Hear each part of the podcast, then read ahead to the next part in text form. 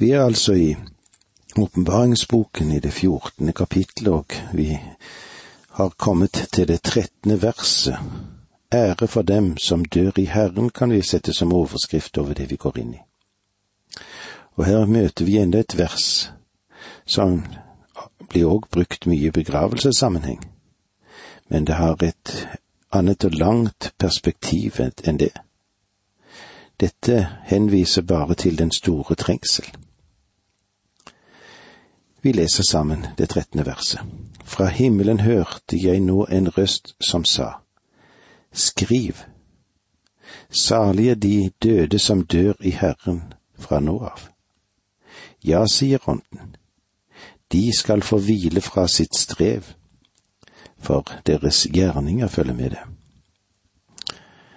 Det er eh, klart at mange av Guds hellige fra den store trengsel både av de 144 000 og av den store skare av hedninger som ikke kunne telles, som vil bli frelst under den epoken, komme til å gi sitt liv for Kristus. De blir martyrer.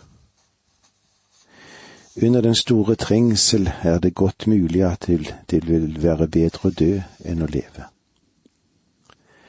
Under disse forhold vil dette verset gi oss trøst og visshet. De vil finne hvile for sine sorger, og deres gjerninger skal følge dem, og Herren lønne dem. Som jeg allerede har sagt, så er ikke dette et vers for Guds hellige i Velferds-Norge. For eh, de fleste av oss er det nesten unaturlig at vi ønsker å dø. Og eh, vi kjenner det kanskje slik som Paulus uttrykte det i Filippenserbrevet 1, 23-26. Jeg kjenner meg trukket til begge sider. Jeg har lyst til å bryte opp herfra og være sammen med Kristus, for det er så mye, mye bedre. Men å bli i livet er mer nødvendig for deres skyld.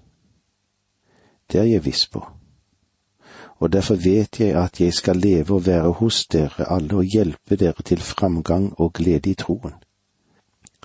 Da skal dere i Kristus Jesus få rikelig grunn til å prise dere lykkelig for min skyld, når jeg igjen kommer til dere. Personlig har jeg ikke noe imot å være her på jord enda i flere år, og kanskje få lov til å meddele og undervise i Guds ord. Jeg har det fra den siden sett ikke det travelt med å komme til himmelen. Og til sist skal jeg få lov til å være der. Men jeg vil gjerne være her og tjene ham så lenge som mulig. Selv om jeg ved Guds nåde er rede til å bryte opp, hvis det er det han vil. Men for meg vil det være noe unaturlig å ønske å dø. Men under den store trengsel, ja, da er det en annen historie. De vil vente i tålmodighet og i prøvelse. Om de møter martyrdøden, vil det bare være en seier. Velsignet være dem som dør i Herren. Han skal nok vite å lønne dem for deres trofasthet mot ham selv. Det er ikke så vanskelig å se at dette verset er lite passende for en begravelse.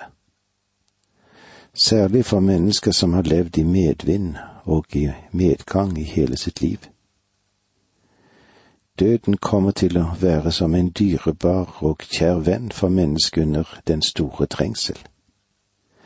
Men ikke slik for de hellige i vårt samfunn der mye går ut på å gjøre livet både behagelig og deilig, ja, så godt som mulig. For deres gjerninger følger med dem. Det forteller at de vil bli belønnet for sin trofasthet, for sin tålmodighet og de gjerninger som de gjør i denne perioden. Gud frelser ingen på grunn av hans gjerninger, men han gir sin anerkjennelse for våre gjerninger. Våre gjerninger, enten de gode eller dårlige, er som en blikkboks knyttet til en hundehale. Vi kommer ikke bort fra den. De vil følge oss frem til Kristi trone, hans bema. Vi går så videre og ser på forhåndsvisning av Haramageddon. Vers 14. Jeg så en hvit sky, og på skyen satt en som lignet en menneskesønn. Han hadde en krone av gull på hodet og en skarp sigd i hånden. Da så jeg. Da så jeg understreker at Johannes ikke bare var en lytter, men han var også en tilskuer. En hvit sky, og på skyen satt en som lignet en menneskesønn. Det er klart nok den Herre Jesus Kristus, det. Skyen er også et tegn som markerer ham. Da skal menneskesønnens tegn vise seg på himmelen, og alle folk på jorden skal bryte ut i klagerop, og de skal se menneskesønnen komme på himmelens skyer med stor makt og herlighet, som det står i Matteus 24, 30. Jeg tror at denne skyen er den herlighetsskyen som er tegnet i himmelen. Han hadde en krone av gull på hodet. Det bekrefter videre at det er tale om at det er Jesus. Han er helten i åpenbaringsboken. Og du trenger denne boken for å få et sant og fullstendig bilde av ham. Han ses her som konge. Han ses ikke her som profet eller prest. Hans tjeneste som konge er alltid knyttet til hans gjenkomst til jorden. En skarp sigd. Det etablerer en sluttsituasjon og taler om innhøstning og dom. Merk deg at her er noe interessant her. Ordet sigd, ordet sigd, det forekommer tolv ganger i Bibelen, og sju av dem forekommer her i denne delen av Bibelen. Ordet skarp forekommer sju ganger i åpenbaringsboken, og fire ganger i dette kapitlet. Vi leser versene 15 og 16 og en annen engel kom ut fra tempelet og ropte med høy røst til ham som satt på skyen. Sving sigden og høst inn, for det er høsttid og jordens grøde er fullmoden. Han som satt på skyen lot av sigden gå over jorden, og jorden ble høstet. Sving sigden og høst inn. Det henviser til avslutningen av historien og til dommen over mennesket på jorden. Og like som ugresset ble sanket sammen og brent på ilden, slik skal det gå ved verdens ende. Menneskesønnen skal sende sine engler ut, og de skal sanke sammen og ta bort fra hans rike alt som fører til fall, og alle som gjør urett. Så skal de kaste dem i ildovnen, der hun gråter og skjærer tenner, står det i Matteus 13, 40-42. I Matteus evangeliet har høst ensidig blitt identifisert med en kristens vitnesbyrd, og de troende er blitt anmodet om å be og arbeide for høsten. Det kan være vanskelig for den vanlige kristen å sette versen inn i den sanne sammenheng i Bibelen. I lyset av det vi har lest, blir det appellert til at kristne ikke skal høste i dag. Det vi skal gjøre nå, det er å bringe ut Guds budskap. Vi skal så. Vi skal så ut Guds ord. En såmann gikk ut for å så er et bilde på kristendommen slik den skal fungere i dag. Den Herre Jesus er menneskesønn. Han er såmannen, og såkornet er Guds ord og åkeren er verden.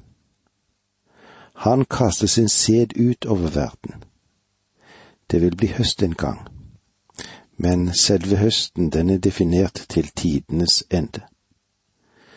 Vår oppgave er å så ut såkornet, og det er grunnen til at jeg ikke alltid bekymrer meg om resultatene. Det er Gud som vil gi resultatene. Jeg ønsker å gjøre mitt beste når det gjelder å formidle Guds ord. Hvorfor? Ja, hvorfor skulle det være slik? Jo, fordi det er min oppgave å så ut. Kristus er den som tar hånd om høsten.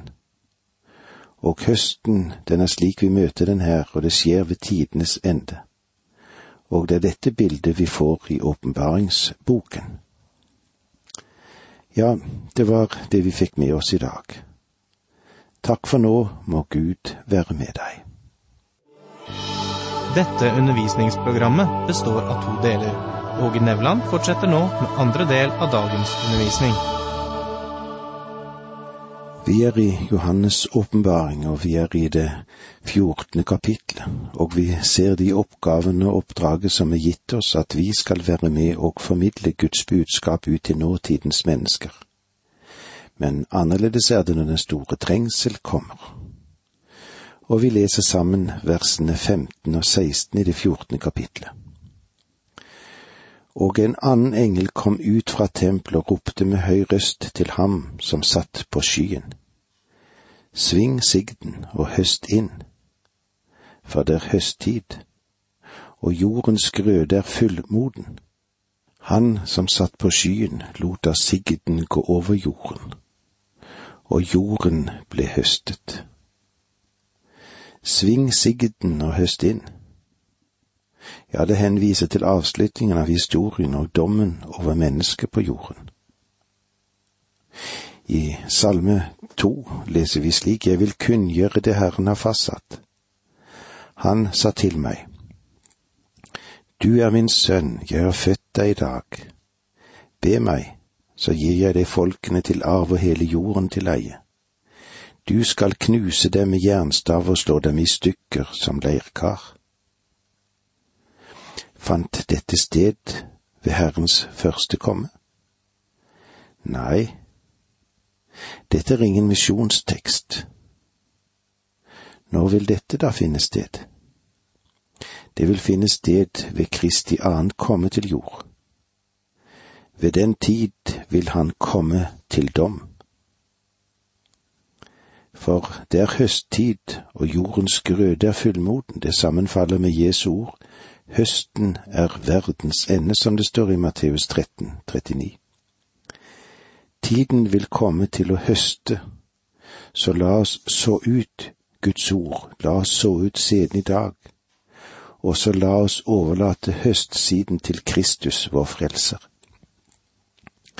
Men la oss for all del være sikre på at vi formidler Guds ord, så vil Guds ånd og hånd ta seg av resultatene. Tiden for høst presenterer for oss i Det gamle testamentet. Sving sigden, for høsten er moden. Kom og tråkk, for vinpressen er full. Pressekummene flyter over, for folkenes ondskap er stor. Det myldrer og ståk i avgjørelsens dal. Herrens dag er nær i avgjørelsens dal, slik står det i Joel 3. Og så leser vi da videre versene 17 og 18 her i Åpenbaringen 14. Da kom nå enda en engel ut fra tempelet i himmelen, også han med en skarp sigd. Deretter kom en engel fra alteret, han som hadde makt over ilden, og han ropte med høy røst til engelen som hadde den skarpe sigden. Sving din skarpe sigd og høst drueklasen i jordens vinkår, for nå er druene modne. Tempelet i himmelen knytter til det, til det gamle testamentet, ikke til menigheten. Den skarpe sigd antyder dom. Jordens grøde er fullmoden, og i det ligger tanken at druene var tørre som rosiner. Her møter vi en erindring i billedbruken for krig ved Harmageddon. Og her er et bilde som blir gitt oss av Jesaja, og vi finner det i Jesaja 63, 1-6. Hvem er han som kommer fra Edom, fra Bosra i blodrøde klær? Han som er så prektig kledd og skrider frem i sin store kraft. Det er jeg. Jeg som taler i rettferd, jeg som har makt til å frelse. Hvorfor er din kappe så rød? Lik klærne til en som tråkker druer. Alene tråkket jeg i vinpressen, av folkene var det ingen med meg. Jeg tråkket på dem i min vrede og trampet dem ned i min harme. Da sprutet deres blod på mine klær, hele min drakt ble tilsølt.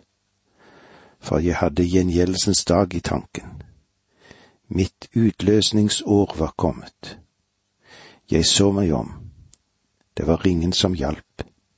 Jeg ble forferdet, men fikk ingen støtte. Da var det min egen arm som hjalp meg, min harme som støttet meg. Jeg tråkket folkene ned i min vrede og knuste dem i min harme. Deres blod lot jeg renne til jorden, sier altså Jesaja. Dette er et rystende bilde som ikke var ved Jesu første komme, men når han kommer tilbake for å dømme. På Jesajas tid sto mennene barfotet og tråkket druene. Den røde saften fra de modne druene sprutet opp og farget klærne deres. Bildet i dette verset er ikke av en tilskuer som ser at det er blod på Herrens vakre kjortel som om han har tråkket vinpressen. Da Kristus kom første gang, ga han sitt blod for dem, men de har avvist ham. Og trår han ned de onde, og det er deres blod som denne gang flyter. Han vil samle dem, og det vil vi se i åpenbaringen 1616, til det sted som på hebraisk heter Harmageddon. Det er ikke et enkelt slag, men en krig. Krigen ved Harmageddon. Legg merke til dette avsnittet fra Jesaja sin profeti, at han tråkker vinpressen alene. Og det er et rystende bilde. Det er ikke å undre seg over at jordens menneske vil rope til fjellene om å falle over dem og skjule dem for lammets vrede. Dette vil være den bedrøvelige slutten for en sivilisasjon som det var ved Babels tårn, hvor de demonstrerte et aktivt opprør mot Gud. Et opprør som har steget i protest som en mektig crescendo siden den gang. Og så vil det bryte, bryte ut i all sin grusomhet ved den store trengsel. Det vil vi se når vi kommer til det nittende kapitlet. Der vil Kristus, når han kommer, knekke alt opprør mot Gud, for senere å opprette sitt rike på jorden. Og han vil, som bildet i Salme to, det som forteller oss knuse dem med jernstav, og knuse dem som pottemakerens kar. Hvem er det vi møter her? Møter vi den milde Jesus som ikke kunne gjøre en eneste noe fortred, og som vi har hørt så mye godt om? Hva er det nå som foregår? Er ikke i sin helhet en Jesus som Guds ord fremstiller dette? Nei, Jesus er fremstilt og er verdens frelser. Det er sant men vi skal òg være klar over at han er hele verdens dommer. Vil du ikke anerkjenne hans blod som fløt for deg, så vil den store trengsel, om det kommer da i din levetid, utøse ditt blod. Men det har ingen forsonende virkning. Jesaja han maler denne tiden i de sterkeste og mest rystende farger som en kan tenke seg, og harde bilder. Hør her slik som det står i Jesaja 34, versene 1 til 3 og 6. Folkeslag, kom hit og hør, og lytt dere folkestammer. Jorden og alt som fyller den, skal høre. Verden og alt som lever der. For Herren er harm på alle folk. Han er vred på hele deres hær. Han har slått dem med bann og overgitt dem til å slaktes. De som drepes, blir slengt til side. Stanken stiger opp fra likene, og det flyter av blod på fjellene. Hans sverd blir fylt av blod. Det blir mettet med fett, med blod av lam og bukker, med nyrefødte værer. For Herren har offerslakten i Bosra, en stor nedslakting i Edom. Dette er et sjokkerende bilde. Lammets dyrebare blod er avvist, og blodet av dem som avviste Gud og fulgte og tilba dyret, hveter jorden. Det er fryktelig. Som en moden drue blir knust og saften spruter i alle retninger. Slik vil det lille mennesket falle i Guds kvern til dom. Dette er Harmageddon ved slaktningens fjell. Vers 19 og 20 som vi avslutter med. Engelen lot sigden gå over jorden, høstet druene i jordens vingård og kastet dem i Guds vrede store vinpresse. Utenfor byen ble vinpressen tråkket, og den fløt over med blod, så det sto opp til bislet på hestene hele 1600 stadier borte. Og med disse ordene sier vi takk for nå.